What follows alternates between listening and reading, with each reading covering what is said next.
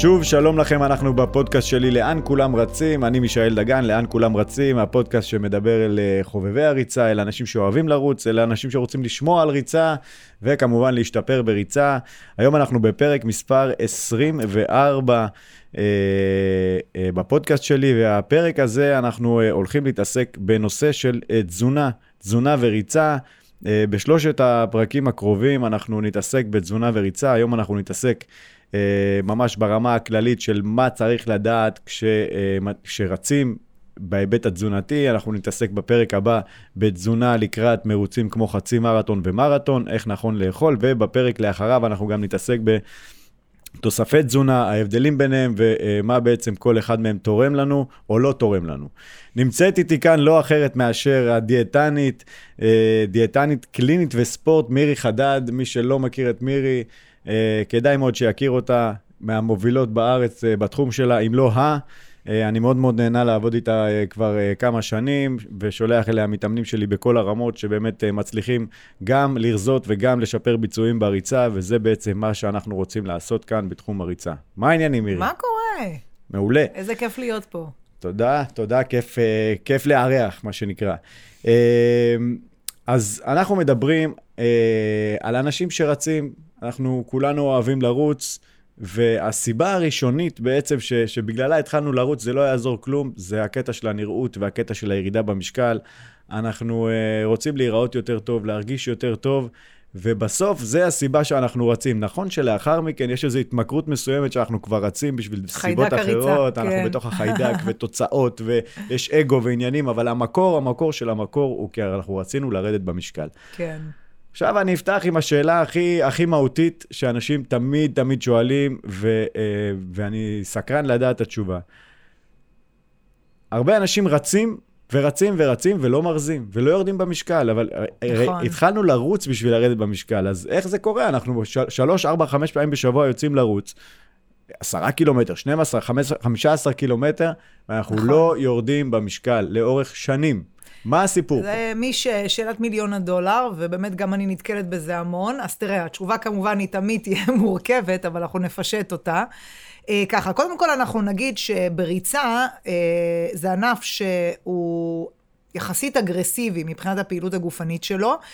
אה, וקל לחשב את ההוצאה הקלורית של אדם שרץ, כי הנוסחה בעצם תגיד, המשקל שאתה שוקל בקילוגרם כפול המרחק שרצת בקילומטר, זה יהיה, זאת, זאת תהיה ההוצאה הקלורית שלך. ולא, אומרת, ולא משנה באיזה מהירות רצתי. ולא משנה באיזה מהירות. אה, שקלת, אתה שוקל 70, רצת 10 קילומטרים, יש לך פה 700 קלוריות, שזו הוצאה קלורית אה, יפה ומכובדת. עכשיו, אם אנחנו מסתכלים אה, רגע על מחקרים שבודקים את ההשפעה, באופן כללי, לא רק של ריצה, את ההשפעה של פעילות גופנית על ירידה במשקל, אז כאן לצערנו הממצאים לא כל כך מעודדים. ההשפעה של פעילות גופנית על אה, ירידה במשקל היא השפעה יחסית אה, מינורית ולא משמעותית. אה, וזה בגלל כמה וכמה סיבות. קודם כל, עשו כמה מחקרים יפים וראו שהמתאמן הממוצע מבזבז 1,800 קלוריות בשבוע על פעילות גופנית. לאנשים שרצים, ככל הנראה זה גם יכול להיות יותר גבוה, וזה היתרון אגב של ריצה על פני אימונים אחרים. אה, ויש פה שתי סיבות למה לא רואים תוצאות. סיבה ראשונה יכולה להיות גם סיבה שקשורה למטאבוליזם שלנו. יש לנו מחקרים חדשים אחרונים בתחום שמראים שבשפה פשוטה, אם אני עכשיו מבזבזת קלוריות על אימוני uh, ריצה, אז uh, הגוף שלי אומר, אוקיי, אין בעיה, מירי, בזבזת פה אלף קלוריות, עשית אחלה אימון בשבת בבוקר, בואי נגרום לך במהלך השבת לבזבז פחות קלוריות על הקימה שלך מהספה ועל הטיול שעשית אחר כך עם, המש... עם המשפחה. בואי נגרום לך לבזבז פחות קלוריות. למה? אנחנו לא רוצים חלילה שתאבדי מסת שומן. כלומר, סיבה ראשונה היא סיבה אנרגטית מטאבולית של הגוף, שאגב, אין לנו שליטה עליה, זה פשוט קורה.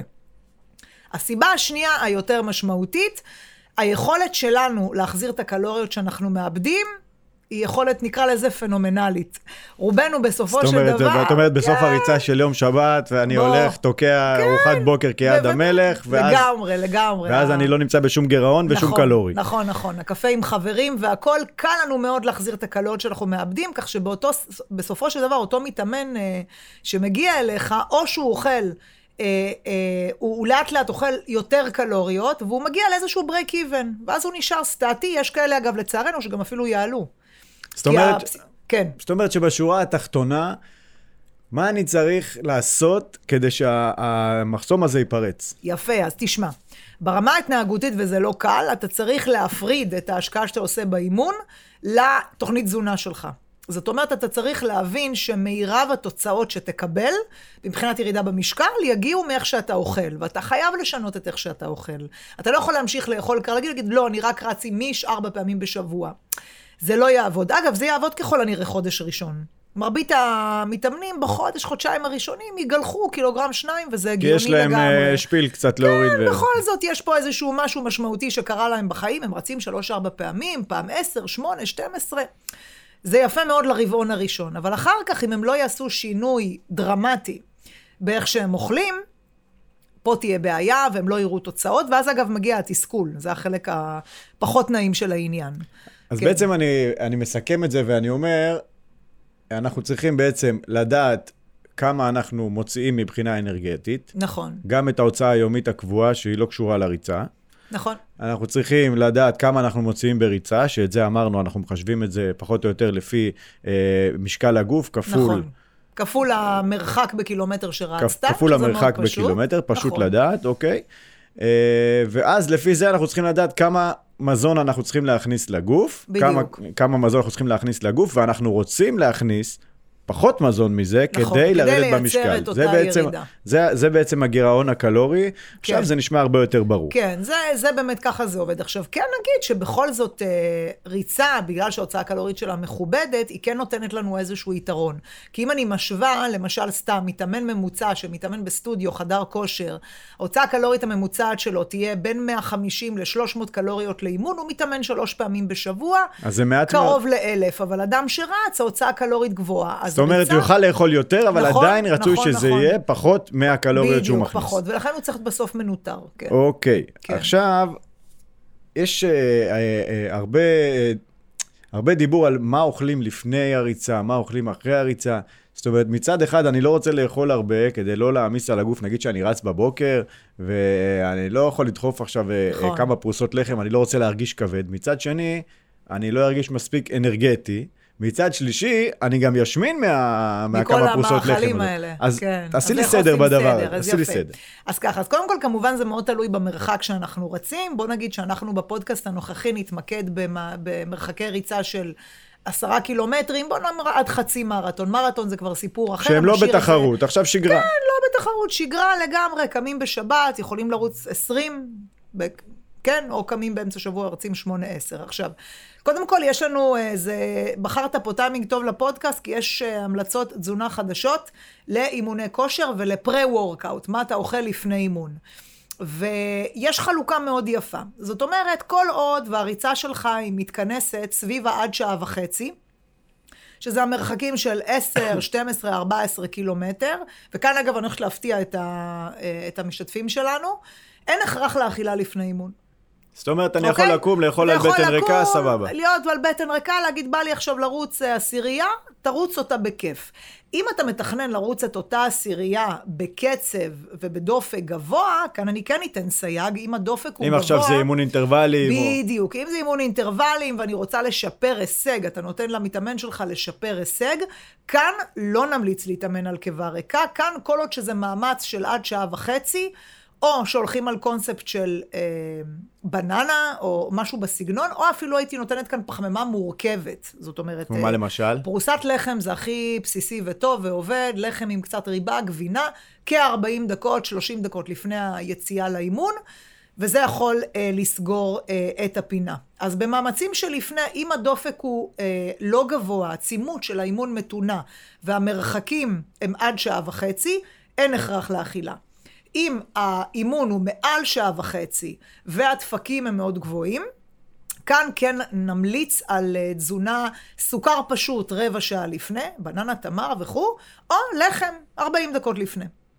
מצוין. אוקיי. עכשיו, אוקיי, הבנתי מה שאמרת, אה, אבל מה קורה, אני עכשיו רוצה להוריד במשקל. רוב הרצים רוצים להוריד במשקל, אז הם נמצאים, מה שאמרת, בגירעון קלורי, כן. ואז אה, אני בעצם לא אכלתי הרבה במהלך היום שלפני. אה, אני אכלתי פה סלט, חביתה, השתדלתי לשמור אולי קצת מנת פחמימה. אבל אני בבוקר למחרת, תהיה לי מספיק אנרגיה כדי להתאמן, כדי לעשות עכשיו יפה, אימון עצים? יפה, אז זאת שאלה מעולה, כי זה נורא תלוי שוב בנפחים. אם אנחנו מדברים על, ניקח את נניח נקראת ימות השבוע, ראשון עד חמישי, אם הנפחים שבהם אתה רץ הם 10-12 קילומטר, אתה לא צריך פה איזשהו תפריט של אה, ספורטאי על, אבל, אבל, אתה כן צריך לאכול סדיר, כן חשוב שבארוחות המרכזיות תהיה פחמימה, אה, צהריים אורז פסטה, בבוקר זה יכול להיות אה, שיבולת שועל, גרנולה, דגנים, לחם, זאת אומרת, בכל ארוחה מרכזית נכניס מנת פחמימה, ויחד איתה את החבר הטוב שלה, החלבון. זה בעצם רגע, לפני שנגיע להפרדה של פחמימה וחלבון וניתן כן. כבוד לכל אחד. אה, אז, אז בעצם, אני, אני חייב לספר פה משהו, אני, כן. אני רואה את זה בעיקר אצל מתאמנות, אצל נשים, שיש להם את הפחד הגדול הזה מלעלות מלאכול. במשקל, מלאכול. כן.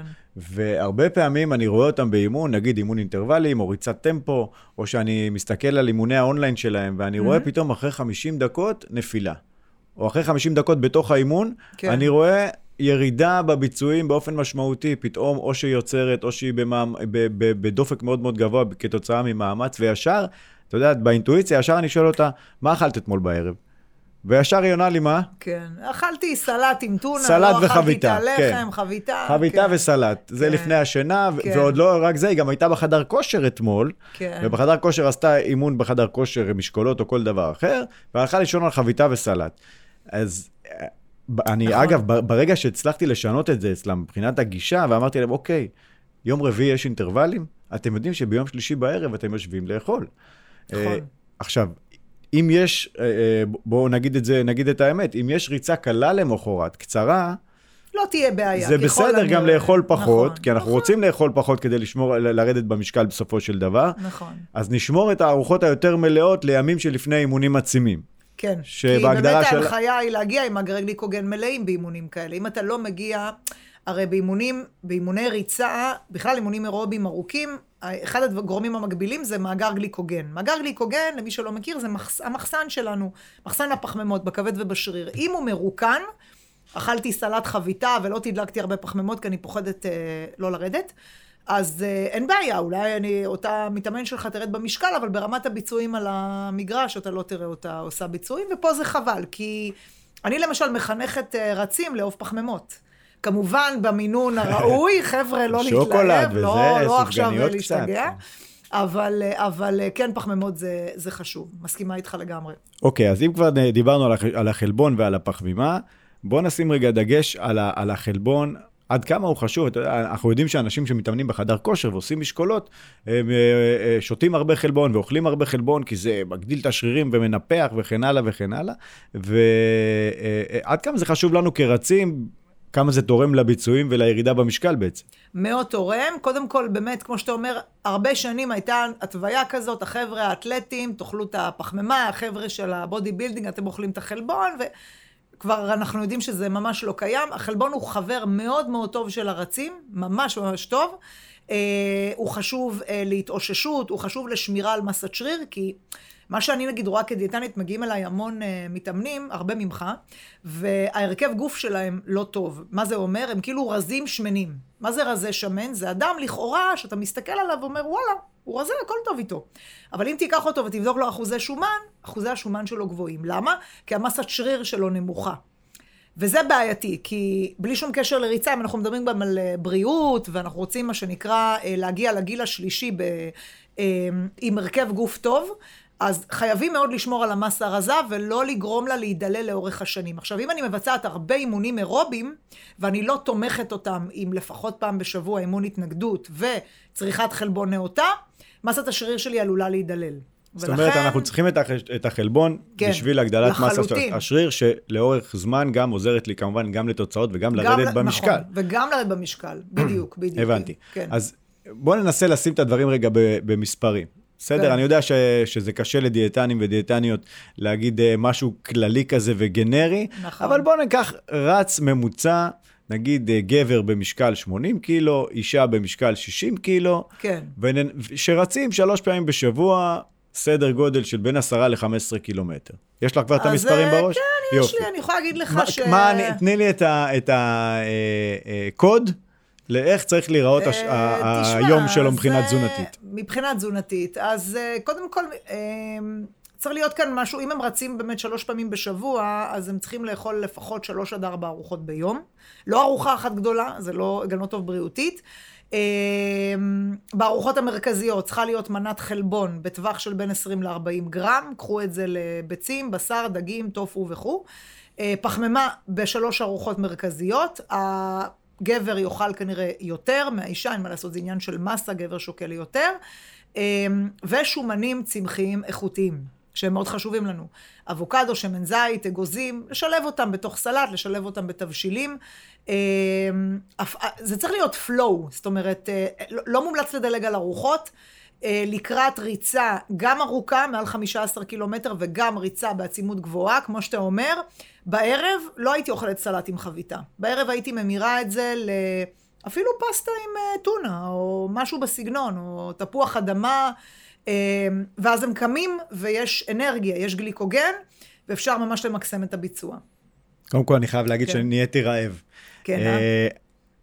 את יכולה לתת מספר, אני יודע שאתם שונאים- את זה, אבל הקהל שלי אוהב את זה. אני לא. רוצה לדעת, רז ששוקל 80 קילו, כן. כמה קלוריות? קלוריות ביום הוא צריך לצרוך? מספר כללי, בין כללי. לבין. 2,000, 2,200 קלוריות. 2,200 קלוריות. כן. רצה ששוקלת 60 קילו, כמה קלוריות ביום היא צריכה ל- ל- לצרוך? 1,800 בהערכה גסה. יפה, אז יש כן. לנו מספר. נו, הצלחת יש לנו להוציא את זה. ממני בסוף. יופי, עשית אותי רעב, אז אני מסכם את הפרק המדהים הזה לגבי תזונה וריצה. ענינו פה על, על כל השאלות הכי, הכי עקרוניות, שמכאן אפשר להתחיל לרוץ אה, הלאה לפרקים לגמרי, הבאים. לגמרי. דיברנו על אה, הסיפור של אה, איך רצים ומרזים, איך זה מסתדר ביחד, ואיך רצים ולא מרזים, ומה כדאי לעשות, הסיפור של הגירעון הקלורי. דיברנו על מה כדאי לאכול לפני אימון, אה, ואיך אה, אה, לשפר את הביצועים, ולא להגיע תשוש לאימון, לא להגיע נטול אנרגיה לאימון. אה, מתי כדאי לאכול לפני אימון ומתי אין ממש צורך לאכול לפני אימון. נכון. ודיברנו כמובן על החשיבות של החלבון גם לרצים, אה, וכמובן נתנו בסוף מספרים, אה, אה, מספרים מה שנקרא אמנם כלליים, כלליים אבל מאוד. מאוד אפקטיביים, אה, כדי להבין איפה אנחנו עומדים.